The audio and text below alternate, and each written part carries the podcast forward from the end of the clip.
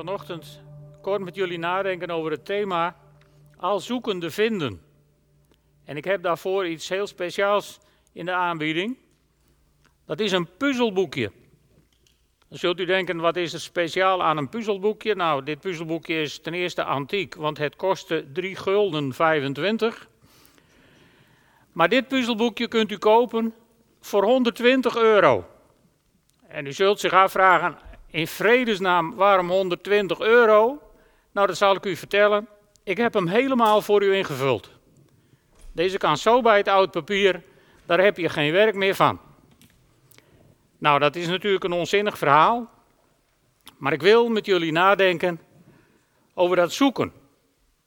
Naar aanleiding van een uh, verhaal uit Handelingen 17. In Handelingen 17 is Paulus in Athene.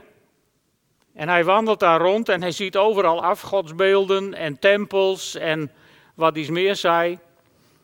En in plaats van dat Paulus tekeer gaat tegen al dat heidendom en tegen al die demonische situaties, richt hij het woord tot de leden van de Areopagus, staat er in vers 22. En dan zegt hij, Atheners, ik heb gezien hoe buitengewoon godsdienstig jullie in elk opzicht zijn. Nou, en dan vertelt hij dat verhaal en dan vertelt hij hun dat hij een, een altaar heeft gezien van de onbekende God. En dan zegt hij, over die onbekende God wil ik het met jullie hebben. En dan komt vers 27 en dat is de kern van de lezing van vandaag. In vers 27 zegt hij tegen de Atheners, het was Gods bedoeling dat jullie hem zouden zoeken en hem al tastend zouden kunnen vinden aangezien hij van niemand van ons ver weg is. Al tastend van ons zouden, al tastend zouden kunnen vinden. En dat laatste sluit heel mooi aan bij wat Jezus zegt in Matthäus, 17, of in Matthäus 7, vers 8. Daar zegt Jezus, want ieder die vraagt ontvangt en wie zoekt vindt en voor wie klopt zal worden open gedaan. De echte essentie gaat in onze taal een beetje verloren, Eigenlijk zou je het beter zo kunnen zeggen, denk ik. Ieder die vragende is, is ontvangende. Ieder die zoekende is, is vindende. En ieder die kloppende is, is bezig openingen te vinden. Dus zolang je zoekt, zolang je vraagt, zolang je klopt, ben je aan het vinden. En zodra je daarmee stopt, dan houdt het weer over. Houdt het weer op. Vandaar de titel Al zoekende vinden. En daarom zegt Paulus in Athene: het was Gods bedoeling dat ze hem zouden zoeken en hem al tastend zouden kunnen vinden. En als hij de mensen van het avontuur, van het tasten, van het zoeken berooft door alle antwoorden te geven, dan ben je ze zomaar kwijt. Want er moet iets mysterieus overblijven. Het woord dat hiervoor zoeken wordt gebruikt, heeft te maken met verlangen met nieuwsgierigheid. Verlang je nog naar het ontdekken van God? Ben je nog nieuwsgierig naar wat God voor je in petto zou kunnen hebben? Ben je nog aan het onderzoeken? En het woord tasten, dat geeft aan dat je daarbij soms iets voelt, soms iets ervaart, zonder dat je dat exact wetenschappelijk kunt omschrijven. En ik heb uit dit vers de conclusie getrokken dat, uh, dat God ervaren en beleefd wil worden. God wil gekend worden zonder dat we alle kennis over Hem compleet hebben. Er moet iets mysterieus overblijven. En over dat mysterieuze, over dat mysterie, schrijft Paulus in verschillende van zijn brieven, onder andere in Colossense. In Colossense 1, vers 25 daar zegt Paulus, met het oog op u heeft God mij die dienende taak toevertrouwd, opdat zijn boodschap in al haar volheid verkondigd wordt. Het mysterie dat in alle eeuwen en voor alle generaties verborgen is geweest, maar nu aan zijn heiligen is onthuld. Aan hen heeft God bekend willen maken hoe glorierijk dit mysterie is voor alle volken. Christus is in u.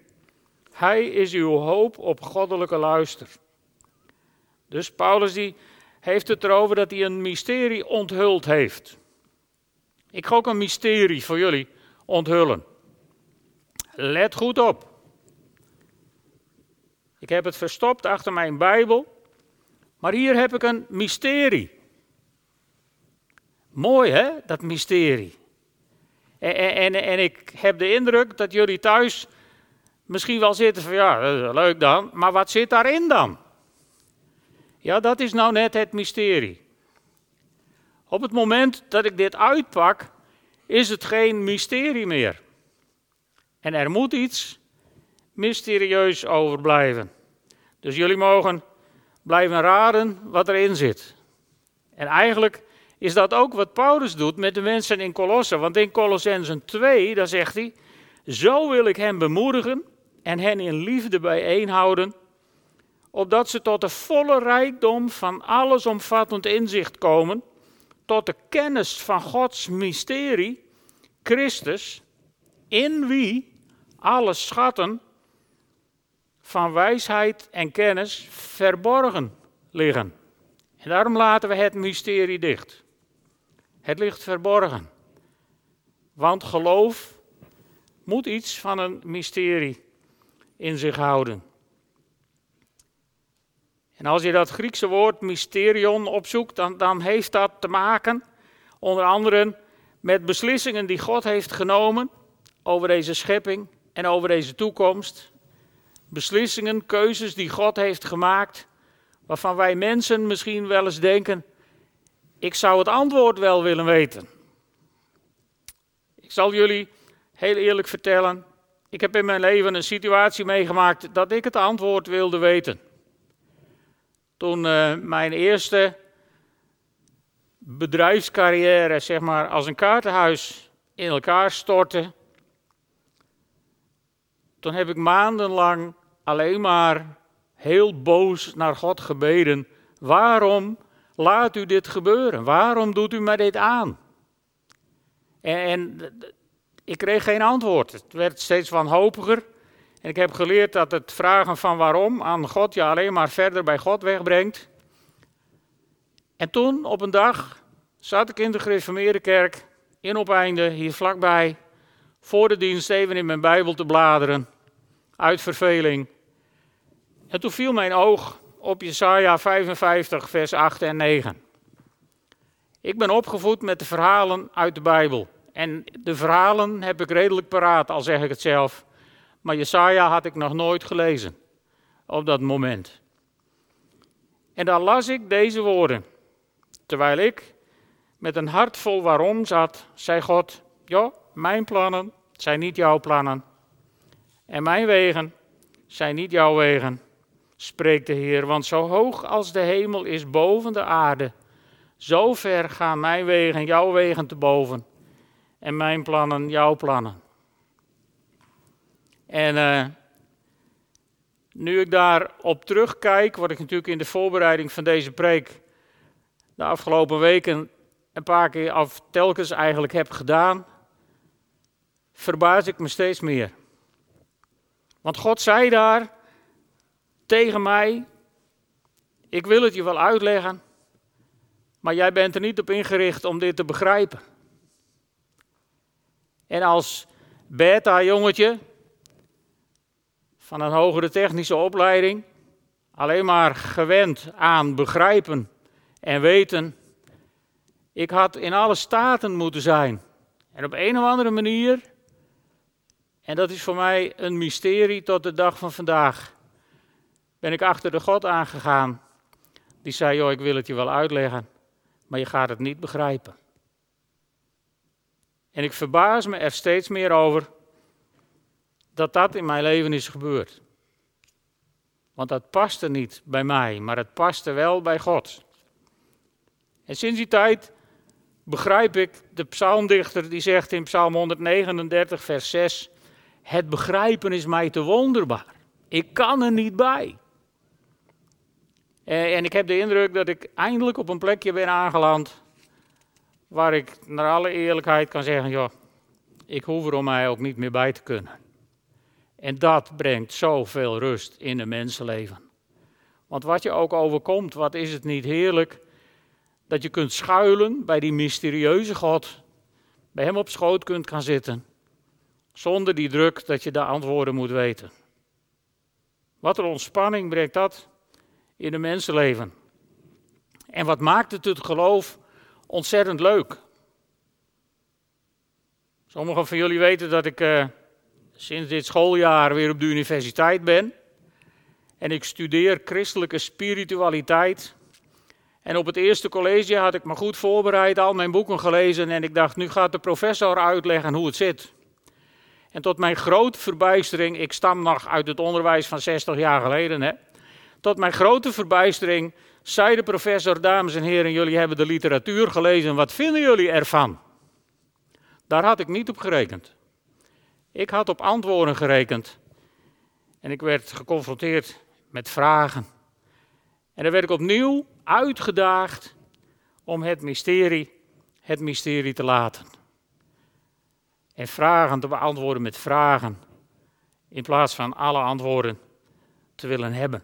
Het gaat om de pret van het zoeken. Zoals het andere mensen gaat om de pret van het maken. Geertje, mijn vrouw, borduurt. Ze breidt ook, hebben veel mensen ontdekt de afgelopen weken, maar ze borduurt. Kost noemeloos veel tijd. Als je dat in uren om zou rekenen wat zo'n borduurwerk kost, is het onbetaalbaar. Een andere broeder uit onze gemeente, Hans Smit, hij schildert en hij tekent en dat doet hij echt heel leuk. En mijn schoonzusje Jansje, die doet nog veel meer creatieve dingen. En weet je, het gaat ze niet om de productie. Het gaat om het maken. Het gaat om de pret van het maken. En zo gaat het bij mensen die van kruiswoordpuzzels houden, ook om de pret van het maken. Je koopt natuurlijk geen volledig ingevuld puzzelboekje. Want dan valt er niks meer te puzzelen. En mensen die van legpuzzels houden, kopen ook geen ingelijste legpuzzel die met lijm is vastgelijmd op de ondergrond, zodat hij nooit weer uit elkaar valt. En niemand die borduurt of schildert of wat dan ook, koopt dingen die kant en klaar zijn. Wat een hoop werk zou schelen, overigens. Maar het gaat om de pret van het maken, van het zoeken. Het gaat om de spanning van het mysterie. En zo gaat het in de kerk, in het koninkrijk ook om de spanning van het mysterie. Het was Gods bedoeling dat we Hem zouden zoeken en Hem altastend zouden kunnen vinden. En uh, dan wordt het heel irritant in een kerk die denkt dat ze alle antwoorden heeft. Dat lijkt een beetje op volwassenen die bij kinderen die aan het verstoppertje spelen zijn, gauw even aanwijst waar iedereen zit. Dat vinden wij flauw. Wij vinden het ook heel flauw als iemand Bouke even zou appen wat de uitslag is van de race die hij heeft opgenomen en daarna nog moet gaan kijken. Dat moet je niet wagen. Het gaat om de spanning van het mysterie. En mijn oproep vandaag is: gun elkaar de spanning van dat mysterie. Gun elkaar de pret van het zoeken. Dan is er namelijk altijd iets te vinden. En als er niks meer te vinden is, dan ga je overal iets van vinden en dan wordt het pas echt irritant. Er moet iets mysterieus overblijven. En daarom ga ik met jullie iets heel mysterieus doen. Wat we al jaren met elkaar doen in de kerk. En waarbij misschien nooit iemand zich afvraagt hoe het zit. En misschien hebben sommigen van jullie wel altijd de illusie gehad dat je het precies snapt. Maar het grootste mysterie wat we als kerk met elkaar vieren, dat noemen we het avondmaal. En wat vieren we dan? Wat herdenken we dan? Nou, dan herdenken we dat onze Heer Jezus Christus in de nacht waarin Hij verraden werd, met zijn discipelen bij elkaar was. En in die nacht nam Hij een brood, afsluiten met een kort gebed en de zegen. Heer God, we danken U voor het avondmaal dat we mochten vieren. En we bidden U, Heer, om heel voorspoedige genezing over dit land, over de wereld, die zo door een virus geteisterd wordt. Want we verlangen ernaar om hier binnen afzienbare tijd weer samen dit avondmaal te kunnen vieren met elkaar. Heer, u kent dat verlangen in ons hart en ik geloof dat dat ook het verlangen in uw hart is. Maar ik dank u wel voor de mogelijkheid die we vandaag op deze manier hebben mogen gebruiken. En ik dank u ook dat we onder uw zegen de week in mogen die voor ons ligt. Lieve mensen, de Heere zegent je en hij behoedt je. De Heere verheft zijn aangezicht over je en hij is je absoluut genadig. De Heere God laat het licht van zijn aanwezigheid in jou schijnen. En hij geeft jou zijn shalom. Amen.